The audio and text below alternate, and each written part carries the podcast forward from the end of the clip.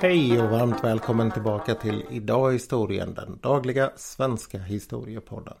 Jag heter som alltid Nils Hjort och idag så ska vi bege oss tillbaka till den 15 maj 1897. Och vi ska landa i Stockholm, närmare bestämt på Djurgården. Där var det dags för en stor, stor utställning. En utställning vars like aldrig någonsin hade skådats i Sverige. Men för att kunna komma dit så måste vi först backa ytterligare 50 år ungefär i tiden. De här 50 åren är nämligen otroligt viktiga för möjligheten att ha den här utställningen. Och det som skapade de möjligheterna är också på många sätt grunden för svensk politik ännu idag. Vi fick här en väldigt viktig finansminister som hette Johan August Gripenstedt. Och han var kanske främst inspirerad av den franske tänkaren Frédéric Bastiat och i hans eh, anda och eh, även i den anda som var väldigt viktig för både Frankrike och England vid den här tiden så kämpade han emot både inre och yttre hinder för handel och utveckling i landet. Det förde med sig att Sverige blev ett land där man försökte riva ner klassamhället men också utåt tullarna. När tullarna togs bort och möjligheterna ökades för vanligt folk då blev Sverige ganska fort väldigt rikt. Skulle man använda ett modernt sätt att tala om det här och sätta lite mer eh, nutida etiketter på det hela så skulle man kunna säga att Sverige var 1897 en tigerekonomi och att det fanns i Sverige flera gasellföretag. Det är faktiskt intressant att se vad som händer och hur det här påverkar landet och absolut då främst Stockholmsregionen. Rent generellt så kan man säga att det är under den här tiden som Sverige börjar ta de första stegen från att vara en jordbruksnation till att bli en industrination. Det märks tydligast först från 1870-talet kanske och framåt. Och sen har Sverige en ganska unik utveckling från 1870 till 1970 med rejäla framsteg. 1866 så hölls en annan sån här utställning i Stockholm. Jag ska alldeles strax återkomma till varför man hade utställningar av den här sorten. Men först ska vi bara ta en titt på vad som hände med Stockholm mellan 1866 och 1897. Stockholm var länge en stad som var så pass farlig. Eh, inte genom mord eller så. Det har inte ändrat sig särskilt mycket i Sverige eller i Stockholm från 1750 och fram till idag nivåerna på det. Men genom sjukdomar och sådana här saker. Det är alltså först på den här tiden som Stockholm faktiskt börjar växa på egen hand. Tidigare så har man hela tiden behövt folk som flyttar in för att staden ska behålla samma storlek. Men mellan 1866 och 1897 så mer än dubblas befolkningen på 30 år alltså. Och det stannar på knappt 300 000 invånare precis här vid sekelskiftet. Dessutom så var ju de här människorna både friskare och starkare. De levde längre och kunde arbeta mer och ha mer frihet. I landet som helhet så gick befolkningen från lite drygt 4 miljoner till knappt 5 miljoner. Och det här var ju samtidigt som det var en ganska stor utvandring. Dessutom så exploderade den svenska exporten. Den blev närmast fyrdubblad. Och de verkliga raketerna där det var smör, trä och stål som komplementerade tidigare saker som till exempel järn. Dessutom så kan man se sådana här små indikatorer på hur folk har det som till exempel hur mycket sparade pengar man har. På de här 30 åren så ökade det med 10 gånger och det var långt ifrån bara de rika som sparade. När man då kallar till den här utställningen och börjar planera den då räcker inte Kungsträdgården till längre. Så mycket bättre går det för Sverige. Utan ytan man ska använda den är 13 gånger större och ligger på Djurgården. Och det här med att ha utställningar som jag precis sa att jag skulle komma tillbaka till. Det var någonting som hade börjat i Paris lite försiktigt på sent 1790-tal. Tanken var att olika typer av eh, tillverkare skulle kunna mötas och utbyta idéer och lära av varandra. Och dessutom möta kunder och möjligen arbetskraft. Den första verkligt stora och internationella sån här utställningen den var i London i Crystal Palace 1851. Och där visade man upp ganska häftiga nya saker som till exempel en vattenspolad toalett och den första säkerhetshissen. Utställningen i Stockholm 1897, den var också internationell. Det var förutom svenska utställare norska och det var ju egentligen en del av Sverige fortfarande då. Likaså så var det utställare från Danmark och från Finland och Ryssland. Och här var ju Ryssland också fortfarande tvärtom. Finland också fortfarande en del av Ryssland. Tyskland, de hade blivit tillfrågade men de var inte särskilt sugna på att vara med och ställa ut. Men av besökarna som kom från andra länder så dominerade faktiskt tyskarna ändå. Det här stora området som man skulle ha utställningen på det låg till stor del väldigt mycket runt dagens Nordiska museet. Och själva den byggnaden den var ungefär mitt i sin byggnation då. Så man gjorde en eh, tillfällig tillbyggnad på den som man senare tog bort och sen byggde klart hela museet. Dessutom så byggde man till ett antal andra nya saker. Den Djurgårdsbro som vi idag alla förmodligen har gått över. Den byggdes speciellt för den här utställningen. Och att utställningen hamnade på Djurgården på kunglig mark det berodde troligtvis på, ja, först och främst att den var ganska tom. Men också på grund av att man eh, hade den här utställningen för att hedra Oscar den andres 25 år som regent. När man kom över bron här så kom man direkt fram till huvudentrén som tyvärr inte finns kvar idag. Och dominerande för hela utställningen det var faktiskt inte Nordiska museets byggnad utan det var en stor, stor hall som kallades för Industrihallen. Den är värd att googla om ni aldrig har sett den för den är otroligt häftig. Det är ett hus i typisk sån här sekelskiftesstil men samtidigt med en lekfullhet som inte var helt vanlig i byggnader som man visste att man skulle behöva sälja och som skulle stå kvar. Det var lite typiskt för de här utställningarna att man gjorde stora utsvävningar i byggstilen. Man kan ju till exempel ta paradbyggnaden Crystal Palace då från London som jag nämnde. Eller Eiffeltornet 1889 i Paris. Så ovanpå den här byggnaden, industrihallen, så är det ett stort torn i mitten. Och från det, det här är gröntornet, och från det så går det ut fyra stycken gångbroar som leder till varsin minaret som är som någon form av spira som skruvar sig upp från marken och är målade i rött och vitt. Och de här är 50 meter höga ungefär upp till plattformarna. Dit kunde man åka hiss, vilket ju då var en stor nyhet. Och dessutom så var själva huvuddelen, den här mittbyggnaden, ungefär 100 meter hög. Så det var en rejäl byggnad man hade byggt. Ett företag från Umeå som hade byggt den i trä. Tyvärr är ju både den här och huvudentrén borta. Ehm, det var i huvudentrén man skulle betalt sitt inträde på en krona eller 50 öre ifall man var under 12 år gammal. Och utställningen den började som sagt på dagens datum 15 maj och pågick till 3 oktober. Under den tiden så såldes 1 253 571 biljetter. Det är alltså fyra gånger Stockholms stadsmängd vid den här tiden. Det är ganska imponerande.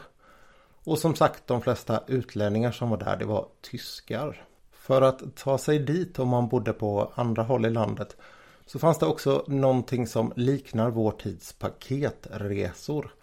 På den tiden så kallades det folktåg och då ingick tågbiljetten tur och retur. Inträde till mässan och dessutom inträde på en massa olika ställen där och middag och sådana här saker. Det sägs då att de två sakerna som behövdes för att det skulle bli stort med sådana här mässor. Det som gör att det blir populärt på många olika håll i åtminstone Västeuropa och USA. Det är förutom då den här industrialiseringen och nya ekonomiska politiken möjligheten som har kommit med nya kommunikationer och intresset av att ha ett större samarbete över gränser. Och det är det jag menar med att det här var en del av den svenska politiken för lång tid fram idag. Det här frihandelsdraget som Sverige fortfarande skyddar. Förutom den här industrihallen så fanns det även en konsthall och en maskinhall där olika andra branscher visade upp sina produkter. Utanför maskinhallen så låg det dessutom ett stort skepp som hette Södra Sverige. Och det ingick faktiskt i det man ville visa upp på utställningen.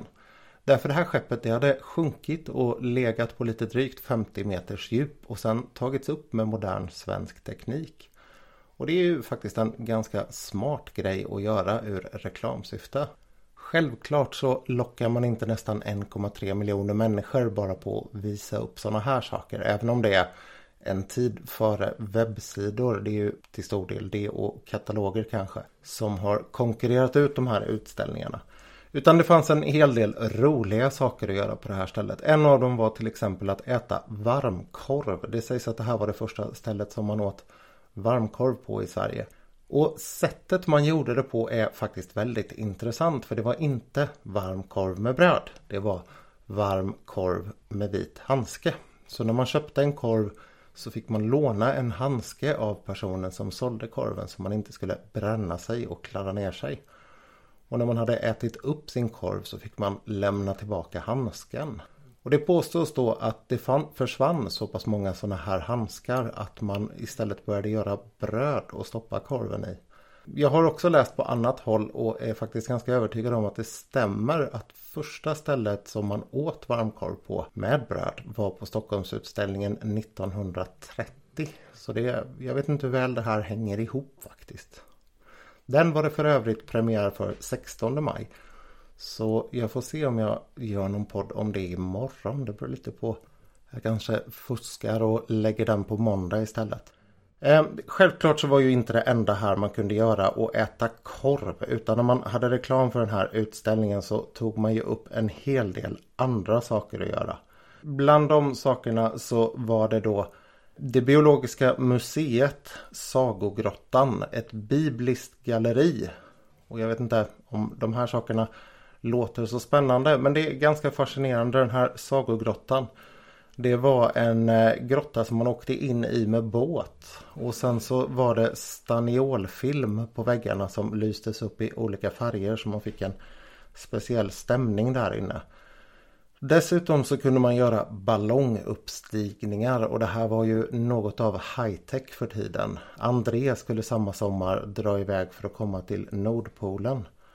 Det fanns en upplyst vattenkaskad. Det var någonting som idag finns mer eller mindre i varenda stad eller på att säga eller köpcentrum. En fontän helt enkelt som sköt upp vatten och som man sen belyste på olika sätt med olika färger. Det jag tycker är mest fascinerande med det här är att ljuset skickades från Liljeholmens utställningshall. Och Liljeholmens utställningshall det var en silverljusstake med ett ljus nedtryckt i som var 37 meter högt. Här har vi tips nummer två på att googla och titta på saker. Om det här hade stått kvar eh, i Stockholm idag då hade jag nog kämpat för att ha råd att köpa det där någon gång. För det är bland det knappaste och mest underbara jag har sett. Det verkliga dragplåstret då, för det fanns ett sånt. Det var gamla Stockholm.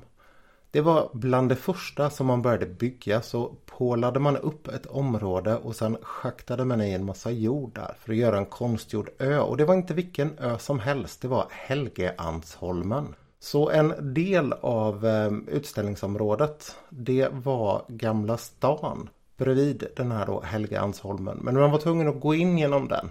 Och här hade man byggt upp en förvånansvärt stor skala kopia och av en, vad ska vi säga, idealiserad modell av ett medeltida Stockholm. Så som man drömde om att det skulle ha varit på Gustav Vasas och hans söners tid. Eh, och dessutom med lite så här skönt slitna byggnader. Där fanns det värdshus och teatrar och det fanns faktiskt en sån här underbar krock mellan nytt och gammalt. Där man hade en av de första, kanske den första biografen i Sverige. Och då kunde man se filmen från när kungen på dagens datum hade invigt den här utställningen. Och det hör faktiskt också till de första filminspelningarna i Sverige. Så det var mycket sådana här premiärer. En annan nymodighet som man kunde prova här inne i det gamla Stockholm det var röntgen. Man kunde få ta en röntgenbild på sin hand och se hur den såg ut inuti. Det här med hur man hanterade röntgenstrålar som vi ju alla vet att de är ganska farliga och obehagliga om de är okontrollerade. I eh, den här metodens ungdom, det är ett kapitel för sig. Det kan vara helt klart värt att komma tillbaka till för det skedde mycket knäppa saker med det där. Men här var det som sagt en form av underhållning. Det fanns också folk som gick runt i den här stan klädda i tidsenliga kläder. Och vid vissa tider så hade man ett iscensatt slagsmål så att man kunde få sig ett litet skådespel där eller en forumteater eller vad man ska kalla det. Kvar från hela den här utställningen så finns det förvånansvärt lite med tanke på att det var så många besökare och att det var ungefär 3500-3700 någonstans däremellan utställare. Det revs och togs ner väldigt fort det allra mesta. Och bland det som finns kvar så har en hel del dessutom flyttats. Djurgårdsbron är såklart kvar på samma plats. Men in till Skansen så har man flyttat det som idag heter Bragehallen och som då var en ölhall. Dessutom då Djurgårdskiosken som ligger där inne. Det var en cigarrkiosk på den tiden. Fröstorp som ligger där inne. Det var ett, eh, en restaurang även under eh, Stockholmsutställningen. Skånska gruvan ute på Djurgården. Den hörde till detta. Liksom Ulla Vinblads värdshus och Jägarhyddan. Så det finns lite sådana där olika grejer kvar. På alla sätt så var det här faktiskt en succé. Publikmässigt, ekonomiskt och eh, vad man på den tiden kallade för stärkandet av det svenska folkets moral och kraft. Man ville ju visa att framtiden var ljus och att allting såg gott ut. Och det sägs att man hade lyckats väldigt bra med det. Dessutom så var arrangörerna väldigt nöjda med vad man kallade för de lägre klassernas uppträdande. Det var dock ett smolk i bägaren och det var den sista dagen, 3 oktober.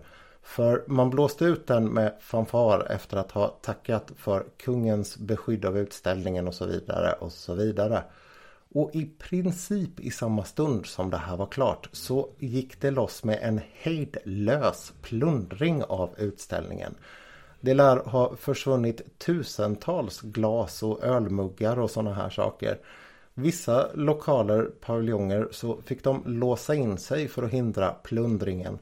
Och lyktor och sådana här saker som hängdes ute, det plockade folk med sig. Det var en hel del som åtalades för stöld efter det här men det måste också ha varit en hel del som fick sig lite fina souvenirer. Sist men inte minst, det här området då som stora svenska arkitekter som till exempel Ferdinand Boberg ritade byggnaderna på. Det kallas ju för Lejonslätten och jag hade inte en aning om varför det hette så förrän idag. Man vet faktiskt inte helt säkert om det berodde på att man hade ett kungligt lejon eller två som fick vara ute och gå där på sommaren. Eller om det berodde på den betydligt mer bestialiska varianten att man där ute brukade hetsa olika djur och slåss mot lejon som kungen hade. Hur som helst så vet man att ett antal svenska kungar och dessutom en drottning har haft lejon som man har roat sig med att hetsa mot olika djur. Och det finns ett brev bevarat från 1648 som eh, beskriver hur en sån här hetsning gick till. Man skickade in olika djur som skulle få slåss mot det här lejonet. Bland annat då en björn och de ryker på varandra ordentligt bitvis och de eh, håller sig ifrån varandra bitvis. Men citatet som jag läste från det här det avslutas med att eh, brevskrivaren Johan Ekeblad beklagar sig och allas vägnar över att det här lejondet hade varit så fattigt på kurage. Onekligen ett eh, sorgligt kapitel i den svenska historien. Jag vet att det finns betydligt värre men eh, ja, man blir ganska trött när man hör sånt här. Nåväl. Jag har passerat 20 minuter med råge och det återstår faktiskt bara att tacka för att du ville lyssna idag och jag hoppas att du återkommer på måndag. Och så får vi se om jag då fuskar in den här andra Stockholmsutställningen där. Tills dess, allt gott!